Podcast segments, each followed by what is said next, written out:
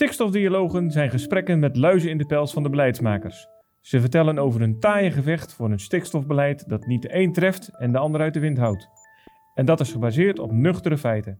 Aan tafel bij Klaas van der Rots zit Jan Kees Vogelaar. Vanmiddag hebben we Jan Kees Vogelaar bij ons in de studio om te praten over de altijd actuele stikstofkwestie. Welkom Jan Kees. Jij bent uh, de eerste gesprekpartner in een uh, serie van gesprekken over stikstof.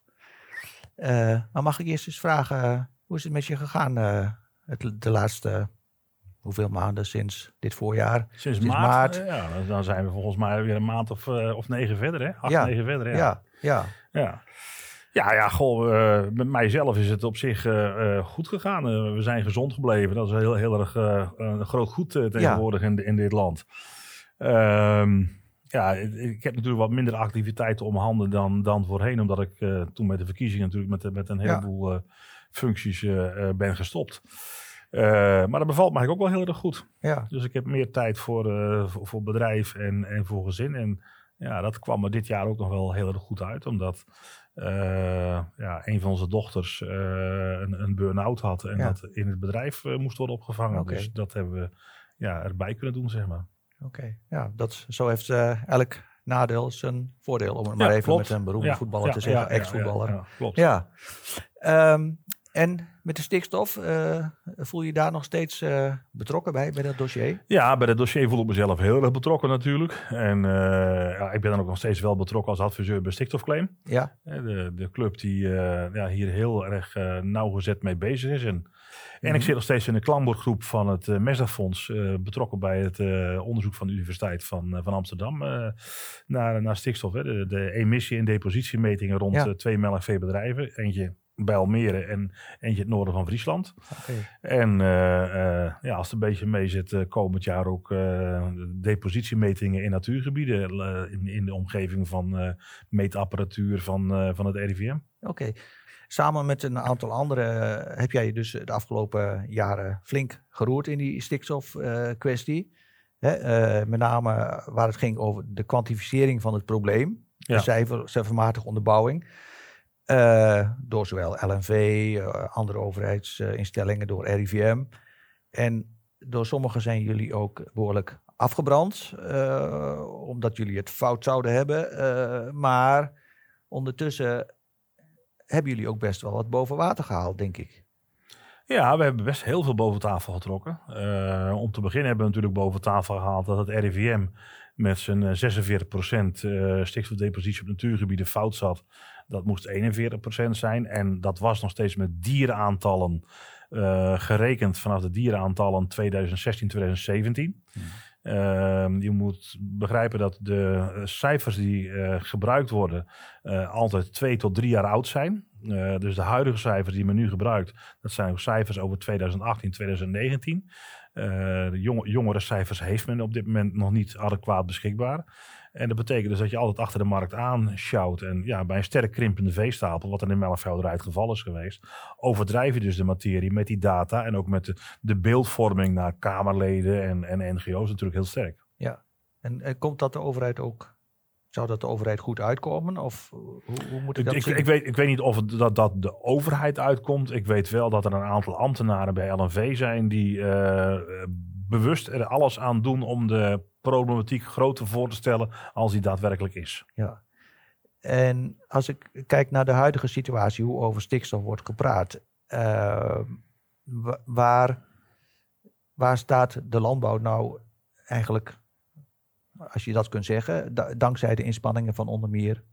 Nou, ik denk dat uh, de, de, de juridische onderbouwing uh, die de minister heeft bij de, de opkoopregeling, ehm, dat die heel hard aan het wankelen is gekomen. Mm -hmm. uh, en, en ik denk zodra ook uh, de eerste bevindingen van het, uh, van, van, van het Universiteit van Amsterdam onderzoek bekend zullen worden gemaakt, dat, dat daar ook weer nieuwe feiten aan de orde komen.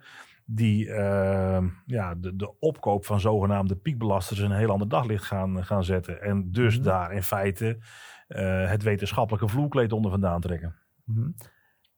um, en schiet, uh, schieten we daar dan ook straks mee op, of iets mee op? Of is, bestaat er misschien ook nog het risico dat, dat er langer weer onzekerheid komt? Nou ja, weet je, zolang je eh, geen goede data hebt Mhm. en geen uitgebreide depositiemetingen hebt gedaan in natuurgebieden, is alles wat je doet onzeker. Ja. Ehm, en ik vind het heel erg bizar dat je in dit land, nou ja, men praat tussen de 20 en 30 miljard euro die men gaat reserveren vanwege de stikstofproblematiek. Mhm. Ehm, terwijl de minister in, eh, in een brief aan de Tweede Kamer in eh, september geschreven heeft dat het afgelopen 30 jaar nog niet gemeten is in, en- één enkel natuurgebied. Ja. Afgelopen 30 jaar niet gemeten is in een natuurgebied. Zo. Eh, dat vind ik wel heel bijzonder. Klopt, klopt. Dat is zeker bijzonder. Ehm, maar ja, zouden dan voor, andere, voor natuurgebieden andere standaarden moeten gelden? Of, Nou, nee, het gaat me niet zozeer om de standaard of de onderbouwing van een kritische depositiewaarde. Dat vind ik eigenlijk nog niet eens allemaal zo interessant. Maar je wilt op zijn minst weten hoe het zit. Ja. Ik bedoel, voordat je 30 miljard gaat uitgeven, zou je toch op zijn minst moeten weten van... Oké, hebben wij in die natuurgebieden ook daadwerkelijk heel veel stikstof in die bodem zitten? Hè? Mhm. Er wordt al jaren geroepen door NGO's en, eh, en door Tweede Kamerleden over de vermesting van de natuur. Ja.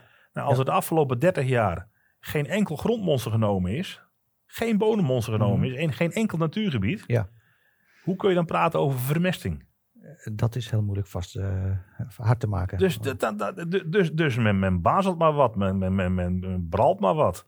En, Ja. en dat vind ik irritant. Even los van hoe de feitelijke situatie is. Mhm. Want misschien is het wel zo, ik weet dat niet. Eh, ja, ik weet het wel, want ik heb in een paar natuurgebieden zelf eh, monsters laten nemen. En eh, nou ja, toen kwamen die accumulerende stikstofhoeveelheden niet tegen in ieder geval. Eh, en Stichting Agrifex heeft een paar onderzoeken gedaan. Nou, die, die, die, Ja. die kwamen ook weer tot andere bevindingen. Dus eh, ga dan eerst maar eens even uitzoeken hoe het echt zit. En dan roepen ze, ja, maar dat gaat tijd kosten. Een jaar. Hé, hey, maar we ouwe hoeren al 30 jaar over stikstof. En er is Ja. nog steeds nergens gemeten. Nou, dat is bizar. De, de, het, het moment, eh, zeg maar in 2019, eh, waardoor, waardoor alles tot stilstand kwam, hè, de uitspraak van, van eh, 29 mei. 29 mei. Dat was een beetje, destijds een beetje een onwezenlijk moment, want daarna was het heel lang overdovend stil. Eh, Meer dan een jaar. Ja, gaf dat ook een beetje aan dat de overheid, volgens jullie tenminste, eh, niet precies wist hoe ze eh, het varkentje moesten wassen? Of, Ja, en het, het bizarre is dat in het voorjaar van 2019 eh, heb ik samen met Jaap Harenkamp en Geesje Rotter een gesprek gehad met de minister. Mhm.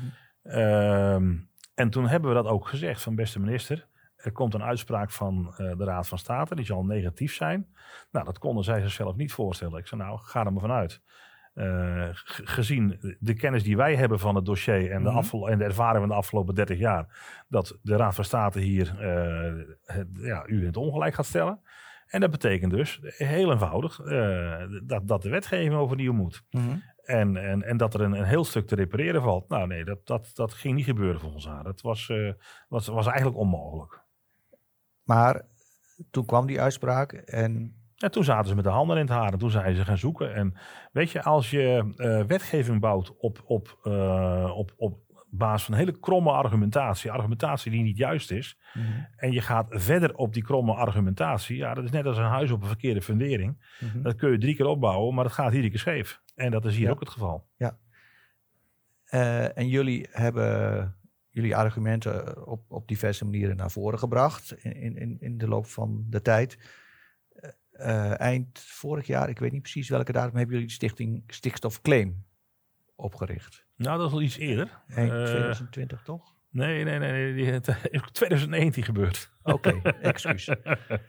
En eh, dat is eigenlijk een jaar na Stichting Agrifest is dat, eh, dat gebeurd. En eh Stichting Stichtverclaim, die, die, eh, ja, die, die, die, die gaat en heeft al juridische procedures gevoerd te- eh, tegen eh, de overheid in zaken stikstofbeleid. Bijvoorbeeld de voermaatregelen, hè, daar is eh, tegen geprocedeerd. Nou, uiteindelijk heeft de minister, voordat de uitspraak van de rechtbank kwam, de voermaatregel ingetrokken. Mhm. Want de onderbouwing daarvan die rammelde ook aan alle kanten. Ja. Ehm, ja, dus wat dat betreft zijn de eerste successen al wel bereikt. En ja, wat ik zeg, we zijn nu weer bezig met het opbouwen van, van, van rechtszaken. En hoeveel rechtszaken hebben jullie tot nu toe aangespannen? We hebben tot nu toe daadwerkelijk één aangespannen en dat was met de voermaatregelen. Ja. Die, hebben, die hebben we ook, eh, ja goed, de overheid heeft ze daaruit teruggetrokken, zeg maar. En is het ook, eh, is het alleen jullie doel om soort eh, collectieve rechtszaken aan te spannen? Of staan jullie ook, boeren bij? Dus er worden ook boeren bijgestaan uh, in individuele dossiers. Uh, Mhm. Als, als, de, als, nou, ja, als, één, als ze uh, aangeslotenen zijn.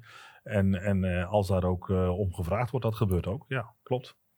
En kunnen jullie daar ook af en toe nee, want tikje die, de goede die, kant op geven? Ja, als, af en toe kun je daardoor door, door, door behoorlijk wel stevige uh, onderbouwing van, van feiten aan te dragen, kun je daar uh, een, een, bijdrage leveren aan, aan, aan die zaken, zeg maar. Uiteindelijk heeft die boer heel vaak wel zelf zijn eigen jurist natuurlijk. Ja, um, en ik weet niet of je op die vraag een antwoord wilt geven, maar omdat sommige partijen ook heel graag weten hoe groot jullie oorlogskas is, om het maar zo te zeggen.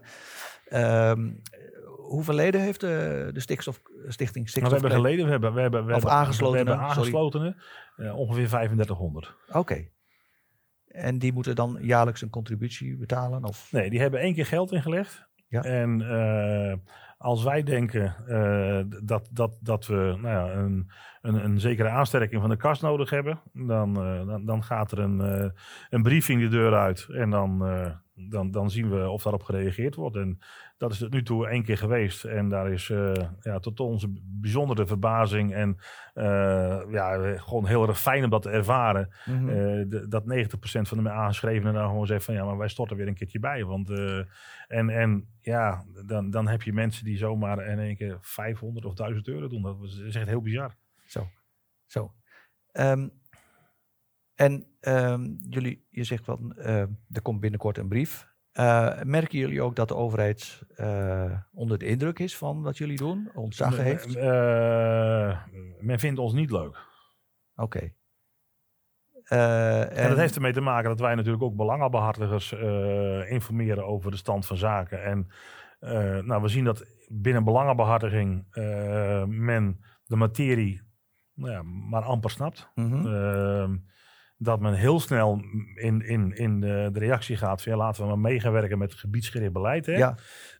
nou, wij noemen dat uh, een soort met van Joodse raad, hè? die gebiedsgerichte uh, gesprekken die gaan plaatsvinden, want daar moeten boeren in worden aangewezen die uh, gaan extensiveren, die worden opgekocht. Mhm. Mm -hmm. Ja, en dat, dat moet dan mede bepaald gaan worden door bestuursleden die zelf ook boer zijn, samen met NGO's, et cetera. Mhm. Ja, dat is natuurlijk gewoon heel bizar. En je zou je daar als, als organisatie niet van moeten, moeten willen laten lenen, lijkt mij. Um, maar wie organiseert bijvoorbeeld zulke gebiedscommissies? Uh, dat zijn de provincies en de, en LNV.